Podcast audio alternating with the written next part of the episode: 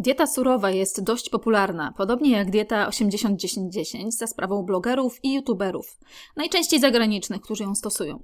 Coraz częściej zdarza się, że odzywają się do mnie osoby, które chcą spróbować takiego sposobu odżywiania. Niestety najczęściej jednak osoby te w ogóle nie rozumieją, jak ta dieta powinna wyglądać.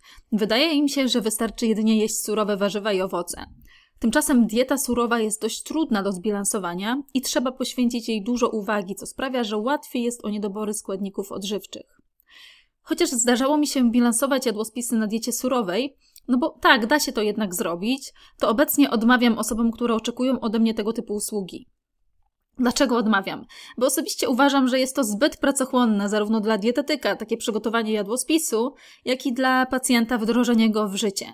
Uważam, że na dłuższą metę osoba ta nie da rady pogodzić swojego sposobu odżywiania się z pracą, wyjazdami, obowiązkami domowymi itd. Tak Miałam pacjentów, którzy próbowali i naprawdę wszyscy po kilku tygodniach, miesiącach, czasem dniach nawet, stwierdzili, że to zbyt wymagająca dieta.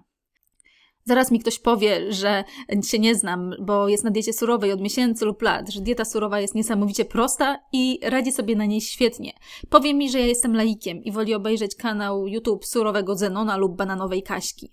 Od razu odsyłam taką osobę do aplikacji liczącej składniki odżywcze. Nie zdarzyło się jeszcze, żeby pokryła normy na spożycie podstawowych składników odżywczych, takich jak wapń, żelazo, cynk, witamina B12, a nawet witamina A, która jest pod postacią beta-karotenu.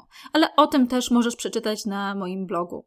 Czym jest dieta surowa i skąd, skąd ta magiczna bariera 42 stopnie Celsjusza? Dieta surowa polega na spożywaniu pożywienia, którego temperatura nie przekracza 42 stopni Celsjusza. Powyżej tej temperatury następuje denaturacja białka, a tym samym enzymów zawartych w żywności. Zwolennicy diety surowej są przekonani, że żywe enzymy zawarte w żywności przedostają się do jelit, no i tam sprawiają, że pokarm strawi się samodzielnie, dzięki czemu organizm nie musi zużywać własnych enzymów, to jest lipazy, trypsyny czy amylazy. No byłoby to świetne rozwiązanie, świetne doświadczenie, gdyby nie fakt, że enzymy to białka i ich trawienie rozpoczyna się już w żołądku pod wpływem pepsyny, więc nie mogą przedostać się do jelita, gdzie wchłania się większość składników z żywności. Czy dieta surowa może mieć korzyści zdrowotne? Faktycznie, w przypadku niektórych schorzeń dieta surowa okazała się pomocna. W literaturze medycznej można znaleźć niewielkie badania przeprowadzone wśród osób chorych na reumatoidalne zapalenie stawów czy fibromialgię. Niestety jednak nie ma badań porównujących prawidłowo zbilansowaną dietę wegańską do diety surowej i prawdopodobnie zastosowanie tej pierwszej dałoby zbliżone efekty wśród pacjentów z badania. A jakie mogą być mechanizmy antyzapalnego działania diety surowej? W zasadzie mechanizmy mogą być takie same jak w przypadku diety wegańskiej, czyli brak żelaza chemowego w diecie, e, niska zawartość tłuszczów nasyconych z diety, brak cholesterolu pokarmowego, dużo błonnika, niższa kaloryczność produktów i wyższa gęstość odżywcza, a w dodatku jeszcze dużo związków przeciwzapalnych. Związki przeciwzapalne są to również związki antyodżywcze, m.in. fityniany, polifenole, izotocjaniany, i te związki w nadmiarze mogą blokować przyswajanie składników mineralnych z diety również. O tych związkach możesz przeczytać na blogu. Jakie mogą być kontrowersje wokół diety surowej? W dzisiejszych czasach w internecie możemy znaleźć sporo guru diety surowej. Najczęściej są to osoby bez wykształcenia medycznego, które same przeszły na tego typu dietę i doznały oświecenia, powiedzmy duchowego. Po oświeceniu wpadły na pomysł, żeby przekazywać swoje porady dalej, no bo jak same się wyleczyły z czegoś, czy sobie poprawiły stan zdrowia ogólnie, no to czemu miałyby tego nie przekazać dalej i przy okazji oczywiście na tym zarobić. Proponują więc głodówki oczyszczające. To jest dobry biznes przy niskich kosztach. E, mogą też proponować testy na nietolerancję, odrobaczanie, soki z buraka na wszystko i rzecz jasna detoksy. Muszę jeszcze dodać, że detoks proponowany przez guru diety surowej jest wyjątkowo oczyszczający. Oczyścicie głównie z pieniędzy. Osoby te najczęściej wyszukują najnowszych nowinek dietetycznych, aby stworzyć nowe produkty, które będą mogły sprzedać swojej grupie followersów, oczywiście.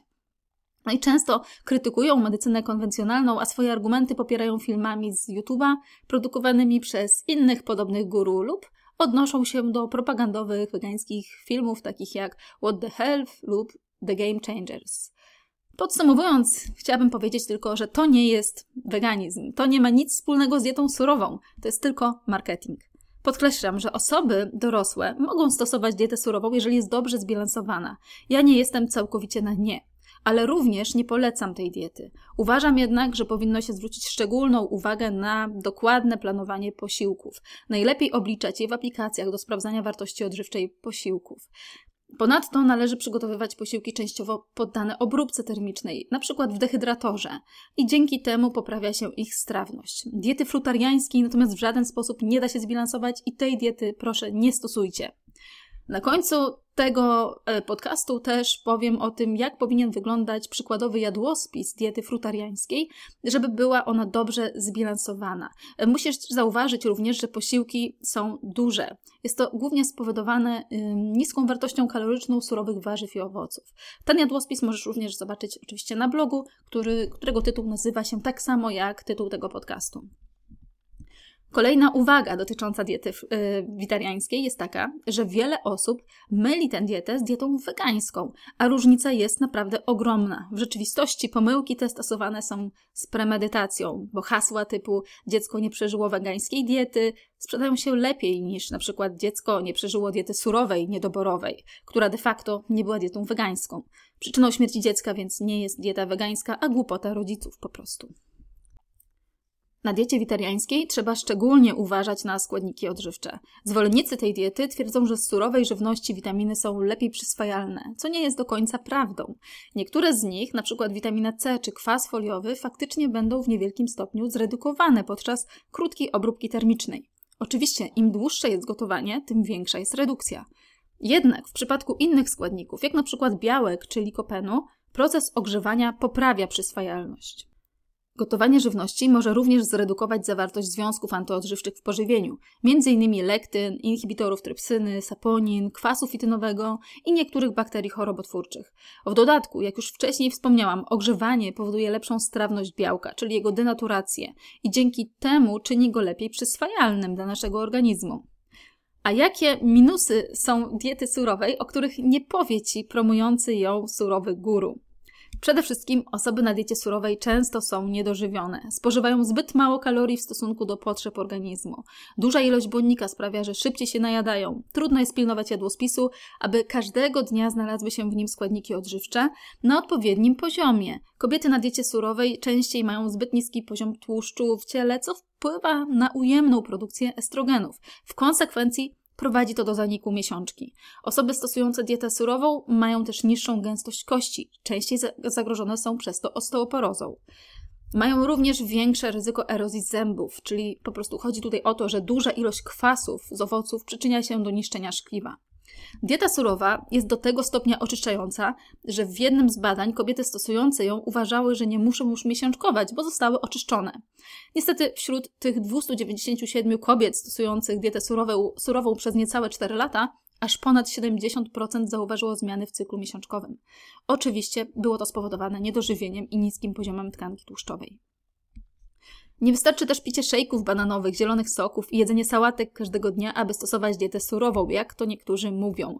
Ponadto, jeżeli masz problemy z cukrem, np. insulinooporność lub cholesterolem, a twój surowy guru każe ci pić soki lub koktajle na czczo, możesz się przygotować na cukrzycę. Jeżeli zdecydujesz się na stosowanie diety surowej, włącz do niej orzechy, pestki, skiełkowane nasiona strączkowe jako źródło białka.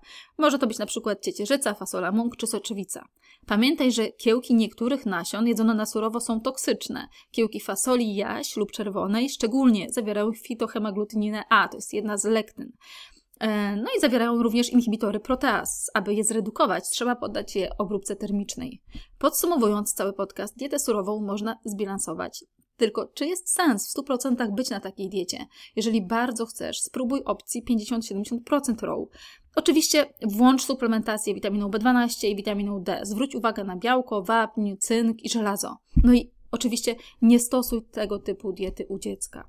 A jak powinien wyglądać przykładowy jadłospis na diecie surowej na 2000 kalorii? Możesz go zobaczyć na blogu. Natomiast ja tylko powiem, że posiłki muszą być większe w stosunku do takich standardowych posiłków wegańskich, bo po prostu żywność surowa jest o niższej y, wartości kalorycznej. Na śniadanie może być na przykład koktajl warzywno-owocowy z, stworzony z ananasa, banana, jarmużu i do tego siemienia lnianego zmielonego. Może być też kanapka, która jest przygotowana na bazie y, sałaty rzymskiej, kiełków y, soczewicy, pomidora i awokado. Na drugie śniadanie może być na przykład owsianka, która jest zrobiona nie z płatków owsianych, bo one nie są surowe, ale na przykład z siemienia lnianego, jabłka surowego i banana. Na obiad może być dip słonecznikowo-migdałowy z warzywami. Wystarczy zmiksować pestki słonecznika z skiełkowaną ciecierzycą, różnymi przyprawami, migdałami, pomidorem, czosnkiem i do tego zjeść surowe warzywa, takie jak marchew, ogórek, seler naciowy, rzepa. No i jeszcze na deser proponowałabym owoc, żeby zmieścić tą kaloryczność 2000. Gdzieś tam trzeba coś jeszcze upchnąć w tym jadłospisie. Na podwieczorek może być surówka z czarnej rzepy, na przykład rzepa, chrzan, orzechy włoskie, do tego można dodać trochę soku z cytryny, jabłko, czosnek, e, marchew, por. I na kolację może być surowa, surowa zupa warzywna. Różnego rodzaju warzywa można zmiksować z kiełkami soczewicy, do tego dodać ym, na przykład miso, do tego oczywiście wodę i to wszystko zmiksować z przyprawami. Oczywiście, tutaj jest pięć posiłków. Nie wiem, czy dałoby radę zrobić taki jadłospis, który miałby trzy posiłki, Prawdopodobnie tak, przygotować go można teoretycznie, ale jak ze zjedzeniem, musiały to by być naprawdę bardzo duże porcje i osoba, która by była na diecie surowej i by jadła taką kaloryczność e, jadłospisu, to po prostu by musiała chyba przez dwie godziny jeść posiłek.